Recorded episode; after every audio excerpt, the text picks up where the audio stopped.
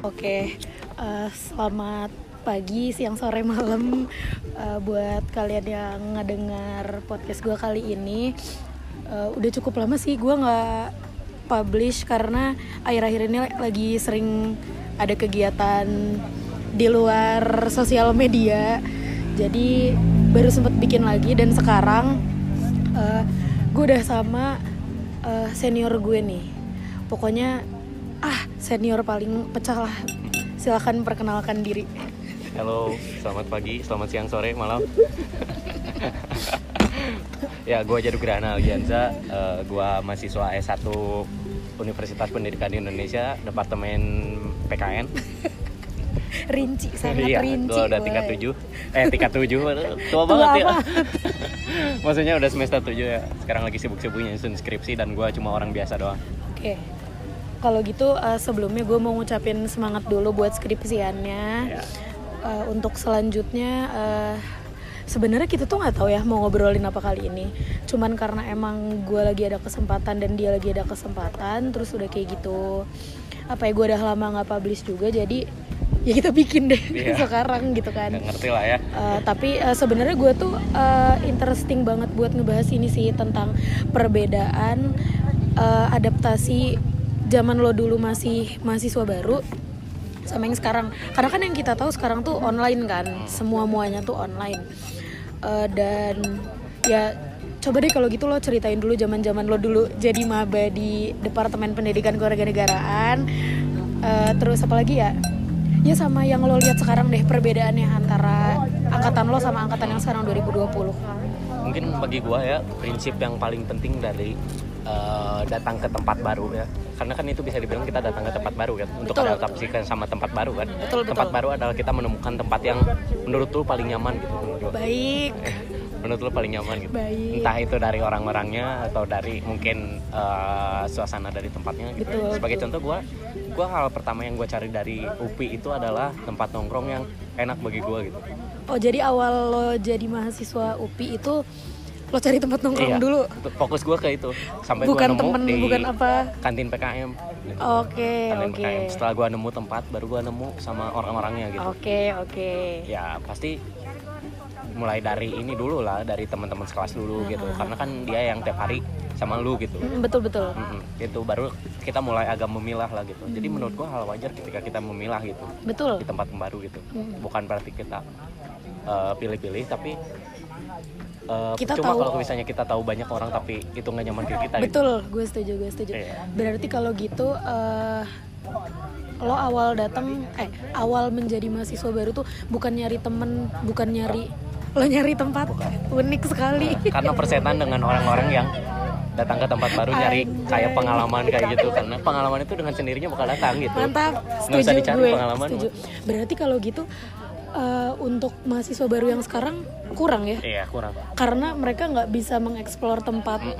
Kalau itu kasusnya terjadi di lo ya, iya sih.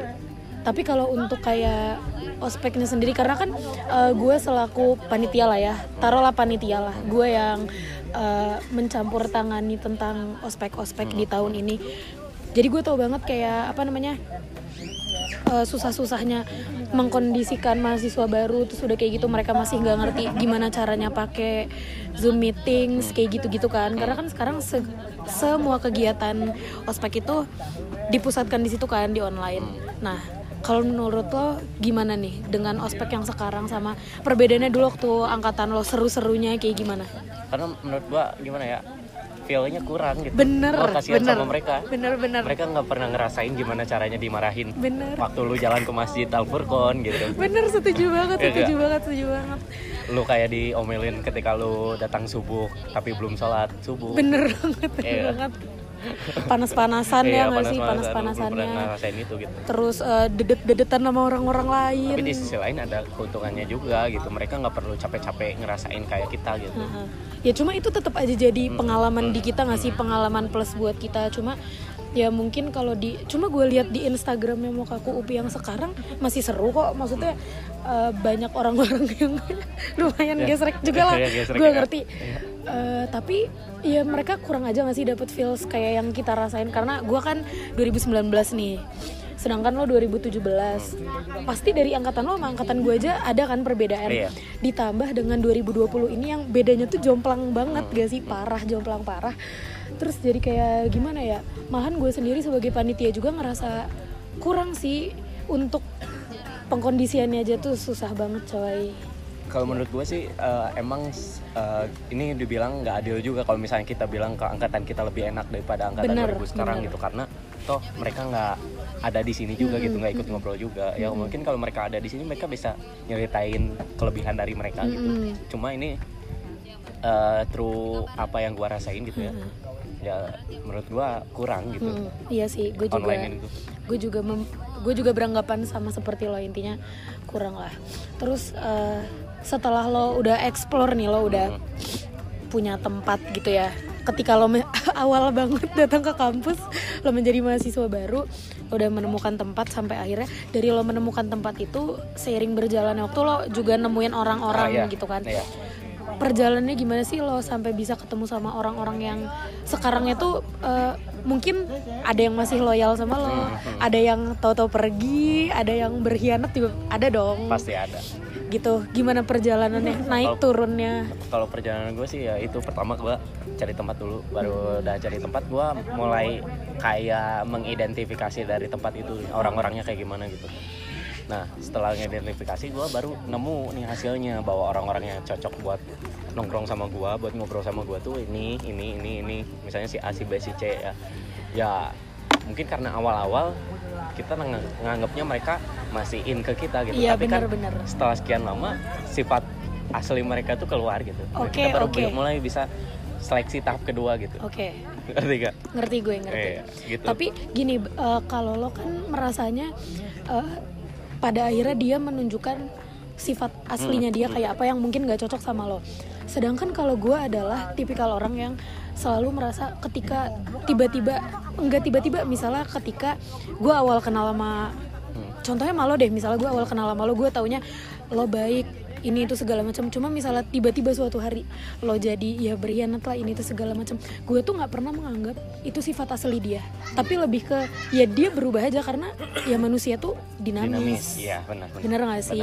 Kalau Iya. gue lebih ke sana daripada yang kayak oh ternyata sifat aslinya kayak gitu. Karena menurut gue coba deh kalau menurut lo sendiri sebenarnya orang-orang tuh kan ada orang yang bilang sebenarnya eh, pada dasarnya manusia itu eh, makhluk yang paling jahat bla bla bla. Atau sebaliknya sebenarnya manusia tuh kalau gue ya kalau gue tuh menilai sebenarnya pada dasarnya tuh manusia tuh baik. Eh, mungkin ada beberapa orang yang eh, dia nggak baik sama lo tapi dia baik sama orang lain. Buktinya kayak orang-orang yang lo anggap menyebalkan berkhianat sama lo tapi dia masih punya teman ngerti nggak? Itu Iya, iya. membuktikan kalau mungkin dia baik sama circle-nya dia ya nggak sih? Menurut lo gimana karena kalau menurut gue masa kuliah itu lebih tepatnya kayak ini kita menemukan jati diri kita gitu ngerti nggak? Nah jati diri kita itu lebih ke lebih ke apa ya?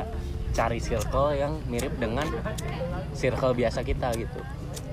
Jadi kuliah itu lebih ke prototype dari tongkrongan kita bi- kayak biasanya gitu. Hmm. lebih ke prototipenya gitu. Sehingga kita mencari suatu hal yang mirip sama tongkrongan kita waktu dulu gitu. Gitu sih. Ya.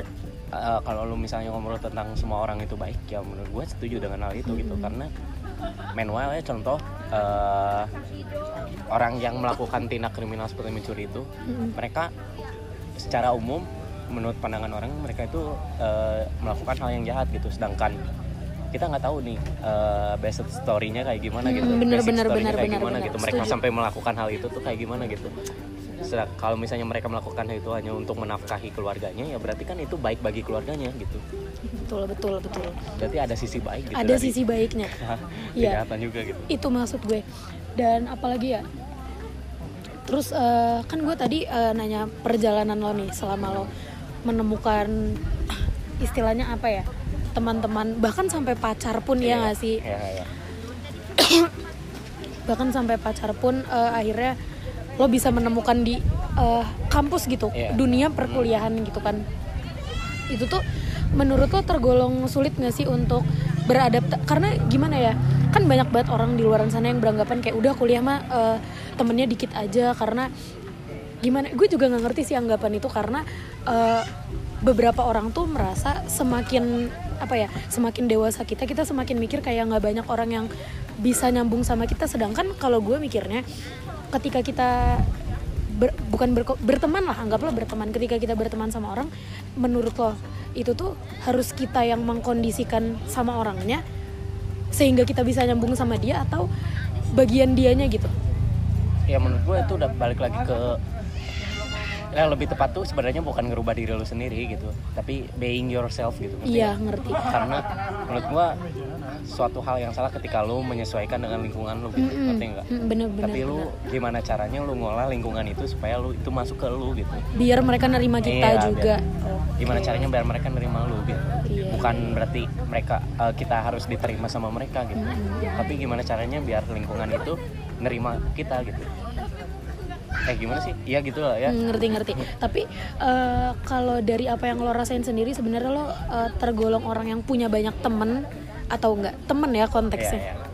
Kalau gua sih karena gua emang tipe orang yang ekstrovert, jadi gua emang orang yang terbilang banyak temen lah gitu. Karena yang jadi panutan gua tuh eh, orang tua gua, orang tua gua tuh dia emang bokap ya terutama bokap itu tipe orang yang sangat sosialis banget gitu. Ah, Maksudnya iya, sosialis iya. tuh dia Ngerti, ngerti. mudah akrab dengan orang lain gitu dan itu nurun ke gua gitu bagusnya dan gue juga tipe orang yang sangat senang ketika gue memiliki banyak teman gitu terlepas dari teman itu hanya hanya untuk hari itu saja atau mungkin hanya untuk eh, untuk seterusnya gitu berarti itu konteksnya kenalan dong iya lo suka berkenalan sama banyak orang Hmm. cuma kalau untuk gimana ya untuk Temen yang- yang nge-keep eh, maksudnya keep it your kita gitu ya. secret Iya, cerita-cerita secret. lo terus udah kayak gitu apalagi ya temen yang bisa lo ajak ke mana-mana ngerti nggak Hmm, kayak kalau gue nih ya gue tuh eh, sebenarnya bisa main sama siapa aja sama anak-anak kelas gue sama anak-anak yang nggak di kelas gue pun gue bisa main cuman kalau untuk yang kayak ke mana-mana tuh kayak ya sulit ngejelasin. Oh enggak gue bisa akrab sama siapa pun. Cuman kalau untuk yang kayak gue ajak main gue ajak jalan gue ajak cerita itu tuh tergolong sedikit sih kalau di gue. Kalau lo gimana? Kalau gue konteksnya bukan gue yang mencari tapi gue yang jadi orang itu ngerti gak gimana tuh jadi maksudnya maksudnya bukan bukan gue yang nyari temen yang bisa diajak ke mana-mana gitu Iya. tapi gue jadi orang yang bisa diajak ke mana-mana gitu. Oh ngerti ngerti ngerti. Oh iya iya karena iya. eh, kalau menurut gua ya jadi orang tuh sebenarnya harus yang bukan segala ada gitu tapi selalu ada. Loh emang bedanya apa? Segala ada itu berarti dia memiliki segalanya tapi belum tentu dengan kayak dia sering ada gitu. Oh. kalau selalu ada itu dia orang yang entah kondisinya kayak gimana pun tapi dia ada terus gitu. iya iya oh fleksibel oke. gitu dia. Oh jadi segala ada tuh seakan-akan kayak apa namanya dia bisa jadi tempat tebengan lo tempat lo minjem duit Iya. itu segala ada. Eh, sedangkan yang segala ada yang selalu ada. Sedangkan yang selalu ada. Itu nggak tentu. Nggak tentu dia bisa minjemin duit gua. Bisa gue pinjemin duit nggak tentu bisa dia punya kayak nggak bisa nebengin lo nebengin juga. lu atau apa iya gitu. Iya yang penting gue ada gitu ketika dia butuh gitu. Berarti kalau gitu lo adalah tipikal orang yang selalu ada Iya. berusaha menjadi seseorang yang berusaha selalu menjadi orang yang selalu ada Oke oke. Eh, selama lo kuliah nih, sejauh ini sampai lo eh, semester berapa sih sekarang? semester 7 7 Sampai lo semester 7 ini lo punya gak sih eh, role model gitu di luar bokap lu tadi ya, yang ya mungkin dia senior lu atau mungkin dia apa pasangan lo sendiri gitu yang lo tuh ngerasa kayak eh, wah gue eh gue tuh dia banget gue tuh seperti dia banget nih gue pengen banget jadi kayak dia gitu kalau gue nemuin hal yang kayak itu enggak cuma gue mencaplok dari beberapa orang gitu ngerti nggak Mhm. kayak contohnya dari baiknya dari si A terus kayak si mauannya dari si B gitu Hmm. mauan tuh maksudnya dia eh, selalu mau kalau kita ajak ke mana-mana gitu dari si Oh, B iya, iya, gitu. iya, jadi iya. gue mengambil dari beberapa orang gitu Iya, enggak iya. gue nggak terpatok dari satu orang gitu karena prinsip gue ya lu boleh berteman sama siapa aja tapi ambil yang bagusnya betul betul karena nggak semua orang tuh benar-benar bagus 100% Iya. kan nggak pernah nggak benar-benar perfect gitu Ah, bener, pasti ada bener, kurangnya gitu nah gimana caranya kita ngambil yang bagusnya yang jeleknya enggak gitu Oke oke oke.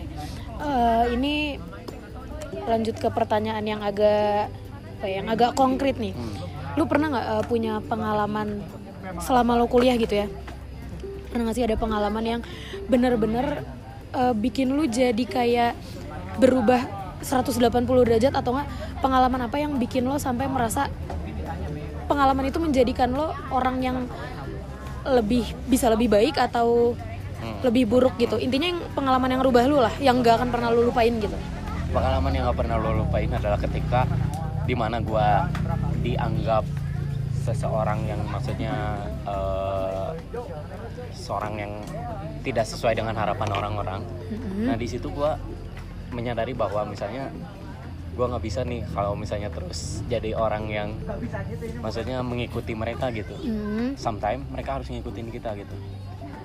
Maksudnya ngikutin kita tuh mereka yang nerima kita gitu bukan kita yang nerima mereka Iya, iya, iya, karena iya. gue pernah berada di posisi kalau misalnya gue tuh capek buat nerima mereka terus gitu. Betul betul. Sedangkan setuju, mereka nggak pernah nerima kita gitu. Ha.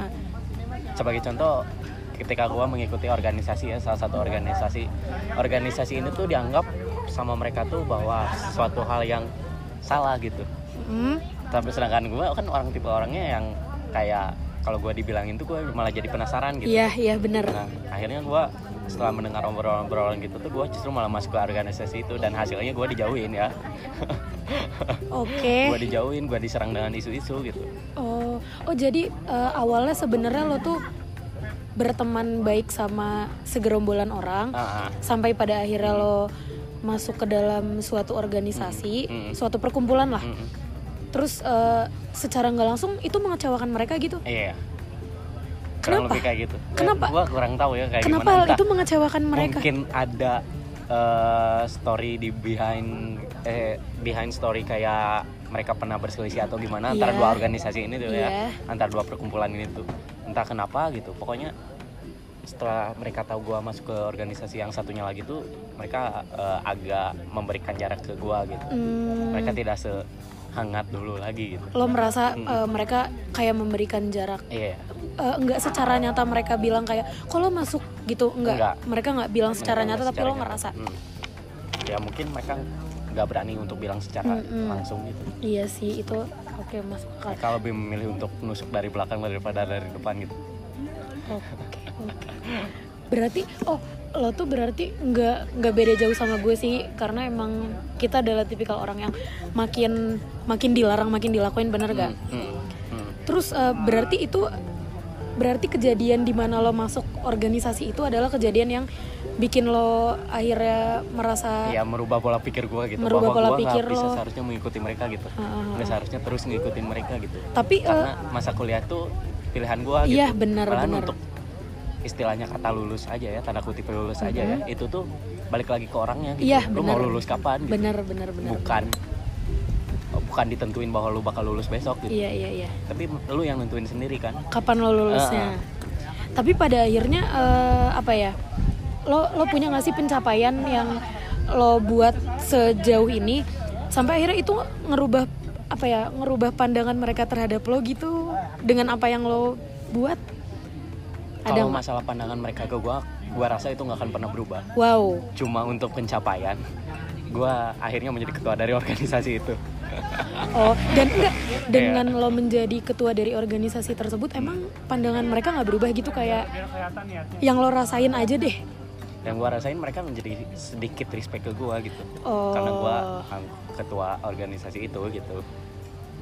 Ya seenggaknya lo membuktikan lo nggak cuma main masuk doang Hmm, iseng main hmm, gitu nggak sih oke oke gue ngerti. Dan seenggaknya gua juga pengen ngebuktiin bahwa omongan omongan mereka tentang organisasi ini tuh salah gitu. Hmm, karena oke.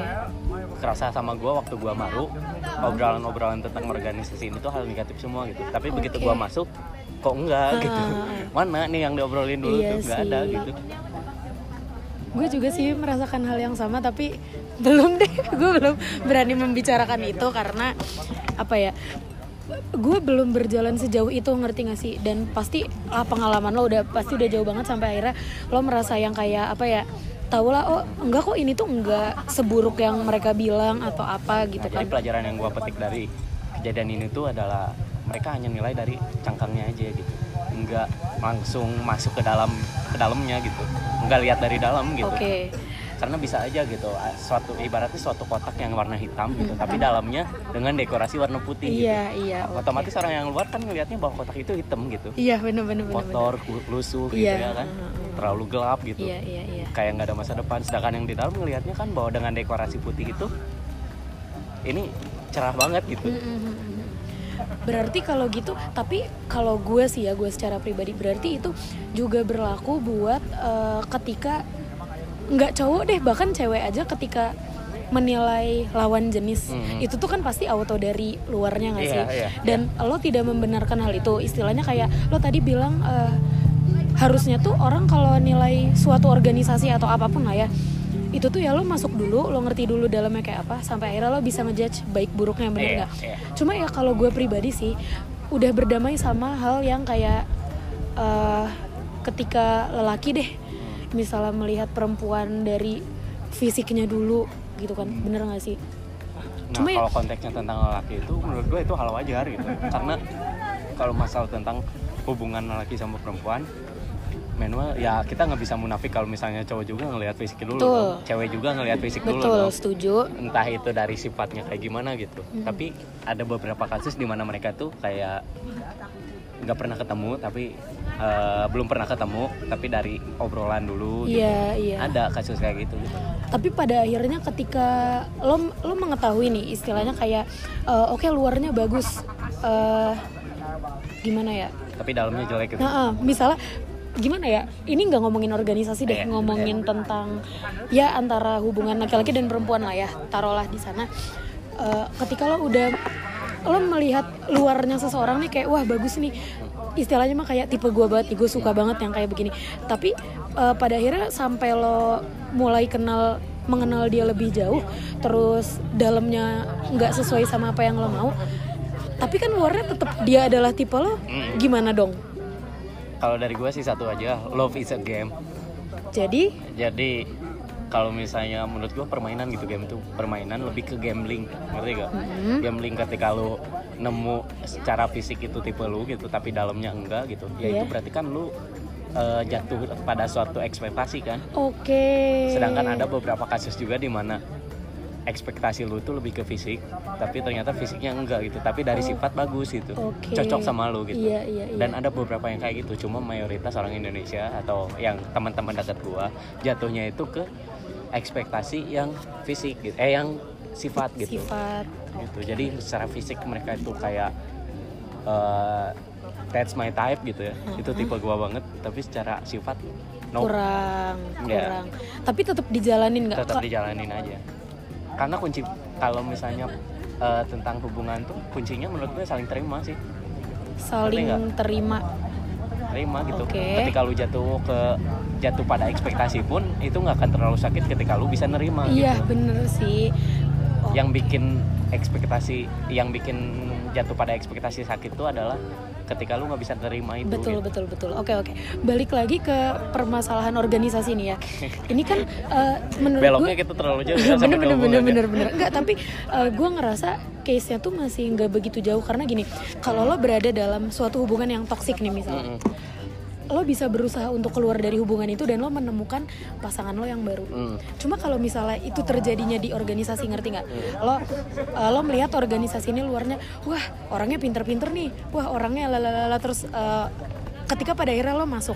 Kan organisasi itu beberapa dari organisasi itu bersifat mengikat nggak sih? Hmm, atau hmm, semua organisasi hmm, sifatnya ada, mengikat? ada beberapa yang mengikat. Ada yang ada beberapa yang mengikat. Nah kalau misalnya kasus toxic relationship ini uh, toxic organisasi. Iya, gitu. jadi toxic, toxic organisasi. organisasi. Jadi lo masuk ke dalam organisasi yang toxic tapi uh, lo tahu nih uh, luarnya kalau gue ya, kalau gue menilai organisasi itu ya pertama jelas ya orang-orangnya nih gue ngerasa gue orang-orangnya gini gini gini tetap aja itu luarnya dong tetap aja itu cangkangnya cuma misalnya ketika gue udah masuk dan ternyata organisasi yang gue masukin ini tergolong dalam organisasi yang mengikat gue nggak bisa keluar gue nggak bisa apa-apa hmm. gimana tuh kalau menurut gue sih nggak semua cara keluarnya itu dengan putus atau dengan keluar dari organisasi ngerti nggak oke okay. hidup ini terlalu banyak jalan gitu mm-hmm. banyak jalan menuju Roma itu istilah yang bisa dipakai lah okay. ya untuk Terus, untuk kasus kayak gini yeah, gitu ya jadi yeah. Selama lu nggak bisa maksudnya selama lu berada di hubungan eh berada di organisasi yang toksik ya mm-hmm. lu masih bisa dengan cara kayak merubah hal itu gitu. Ber berarti secara nggak langsung uh, ya, lo mungkin secara garis besar caranya bisa dengan lu menjadi ketuanya dan lalu ngerubah sistemnya atau mungkin lu bisa mempengaruhi orang-orang penting di dalam organisasi itu lalu merubah sistemnya kalau ngerubah orang-orang di dalam organisasi tersebut tergolong ke dalam perbuatan yang jahat nggak sih? Enggak, enggak menurut gua. Kenapa enggak? Karena ngerubah di sini tuh maksudnya mereka lebih ke kita memberitahu uh, pandangan lu, uh-uh. lu memberitahu pandangan lu bagusnya kayak gini gitu. Iya. Dan kuncinya nerima gitu. Selama mereka bisa nerima ya itu bisa lanjut. Atau mungkin selama lu bisa nerima itu ya oke. Okay tapi ke misalnya situasinya udah yang kayak kalau di pacaran nih udah ah udah misalnya bisa kayak dilanjutin lagi. toksik banget nih misalnya kayak kalau gue sebagai perempuan misalnya kayak cowok guanya kasar lah mukul. Hmm. itu kan ya udah udah mah kasar selingkuh nih misalnya. Hmm. dua kesalahan yang paling gue hindarin hmm. kalau misalnya suatu hari gue ada di dalam hubungan. Kan itu udah nggak ada jalan apa pun lagi untuk melanjutin udah nggak ada kata maaf buat hal itu gitu kan.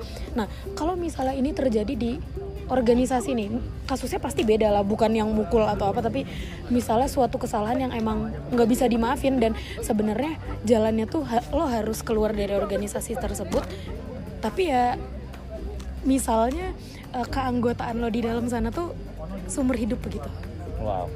Gimana tuh kalau dengan kondisi keanggotaan yang seumur hidup itu nggak ada cara lain selain lu tetap di dalam itu dan nerima itu nerima itu ya yeah. berarti lo tipikal orang yang ya udahlah mau mau nggak enak atau nggak kalaupun emang hmm. masih bisa gue terima gue terima aja hmm. lo tipikal orang yang kayak gitu berarti lo nggak mudah ninggalin dong kalau yeah. bagus bagus bagus oke oke oke karena gue tuh tipe yang mikir ketika ada suatu yang salah gue tipe yang mikir bahwa atau jangan-jangan ini salah gue nah iya gitu.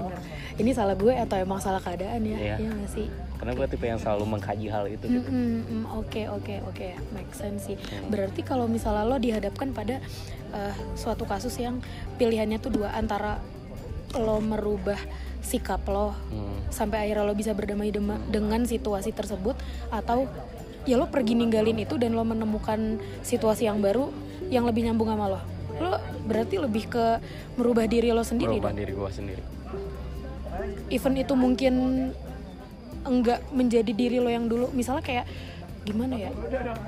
Agak paradoks sih karena ketika lo merubah diri lo misalnya kayak yang awalnya lo contoh deh contoh kecil ngomong kasar misalnya. Hmm. kan kalau gue adalah tipikal orang yang gue nggak suka gue ngomongnya diatur kecuali pada situasi tertentu misalnya lagi rapat lah atau lagi apa kan nggak mungkin tuh ngomong kasar atau ini itu segala macam. Cuma misalnya kayak uh, apa ya gue di misalnya di kelas deh gitu yang hmm. sebenarnya kalau nggak ada dosen masih nggak apa-apa lah kita hmm. ngomong kasar cuma misalnya ada uh, beberapa orang yang terlalu agamis dan merasa kayak ya omongan lo tuh merusak pendengaran gue gitu gue tuh kan nggak suka hmm. terus gue tuh ngerasa kayak iya gue emang kayak gini loh cara ngomongnya dan yang paling suka di yang paling suka dipermasalahkan sama orang-orang adalah nada bicara gue karena kan gue Sumatera dan kadang gue kalau ngomong agak nyentak agak hmm. tinggi nadanya agak keras gitu terus ya gue lebih memilih untuk ya udah berarti lo emang nggak cocok aja sama cara temenan gue karena gue merasa ya ini diri gue yang gue nggak mau merubah ini ini udah hmm, hmm.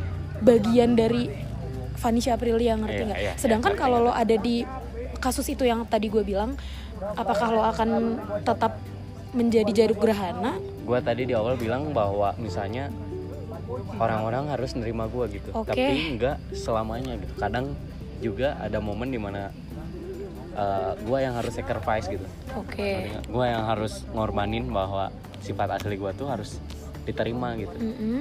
ya tapi nggak seterusnya kayak gitu gitu. Ngerti nggak? Ya oke okay lah misalnya mereka nggak nerima sifat lu tapi lu juga ada kan misalnya sifat mereka yang nggak bisa lu terima mm. gitu. Berarti ya istilahnya satu sama gak sih? Iya lo nggak nerima gue bagian sini oke berarti gue juga boleh ya nggak nerima lo iya. oke oke kurang lebih jadi apa yang lo lakuin gue lakuin. Hmm, oke oke oke secara garis besar prinsipnya gitu. Oke oke oke. Bukan prinsip sih jadi uh, yang karena kondisi yang maksa buat nganut itu itu ngerti nggak? Hmm, hmm, ngerti. Oke. Okay. lebih gitu. Berarti itu juga uh, apa ya gimana cara lo menempatkan nah iya. situasi? Penempatan situasi iya sih. Oke oke baik. Apa lagi nih. Di sini aja apalagi ya? Uh, eh, gue mau bertanya apa lagi ya? Uh, paling uh, terakhir deh. Uh, ada nggak? Oh udah terakhir lagi aja. Prinsip nggak nggak prinsip deh apa ya? Uh, ya prinsip lah boleh. Prinsip hidup lo yang dari dulu. M- mungkin dari lo merasa nggak lo SMA itu masih bocah atau udah dewasa? Hmm.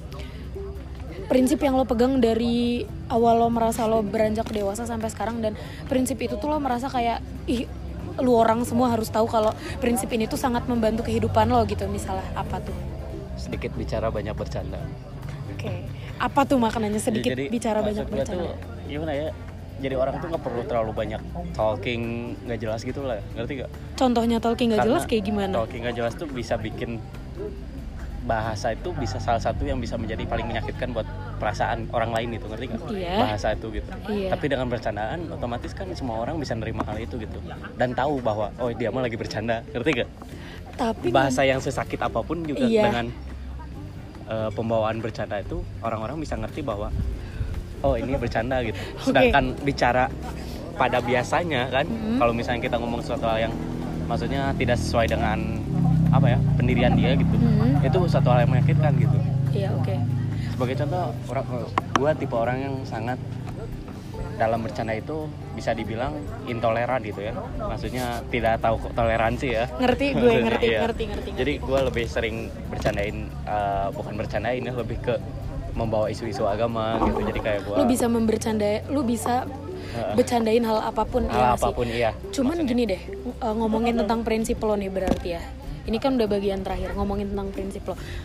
Gue agak kurang suka gimana ya gue pribadi gue bisa men, bukan bukan gue bisa uh, gini deh itu. enggak enggak lo lo boleh ngebercandain gue baru banget nge-tweet ini kemarin gue tuh merasa dalam hal jokes ya bercanda apa pun gue tuh bisa dibercandain soal apa pun lo lo bisa bercandain agama gue lo bisa bercandain body size gue yeah. lo bisa bercandain apa pun cuman satu yang gue ngerasa itu tuh nggak lucu hmm. perasaan iya. karena gimana ya mungkin perbedaan antara lo cowok dan gue cewek gitu maksudnya uh, kayaknya emang selera jokes gue malu nyambung gak sih kayak kita sama-sama bisa bercandain hal apa pun yang mungkin orang di luaran sana ngerasa kayak ih gak kan bisa gitu ya, ya kan iya, iya. Uh, topik itu nggak boleh dibercandain iya. ya kalau gue sendiri sih tipikal orang yang ya udah gue emang beneran gendut kenapa? Iya. emang iya gitu iya, kan? iya. daripada kita anggap serius daripada gue pusing mikirin kayak ah gue gue gendut gue nggak cantik gitu.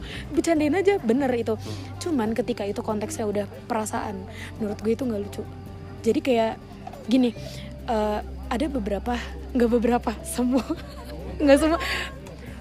Most of lelaki yang datang ke kehidupan gue dan ya dalam artian ngedeketin lah ngerti nggak lo? Ngedeketin itu tuh selalu pakai kata-kata itu. Mereka selalu yang kayak uh, ah hidup tuh jangan terlalu serius bawa bercanda aja.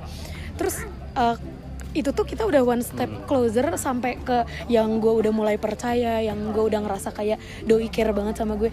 Tapi pada akhirnya dia kayak ya udah sih orang kan kita bercanda.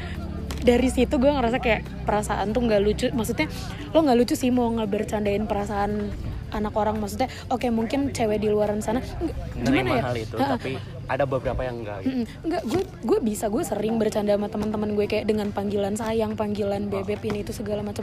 Gue ngerti itu cuman yang gue ngerasa nggak wajar adalah ketika dia bener-bener bercanda sampai ke apa ya uh, topik terdalam misalnya kayak uh, dia gimana ya gue tuh lemah banget sama karena pedulinya seorang cowok sebagai oh, iya, teman, iya, iya, sebagai iya, senior, sebagai kakak tingkat apa segala macam dengan dia yang memiliki niat lain itu berasa loh di kita anak-anak cewek. Sedangkan mungkin pada saat perjalanan doi ngedeketin ini doi merasa kayak yang oh kayaknya si ini nggak cocok di sama gue dan dia menggunakan kata-kata bercanda itu.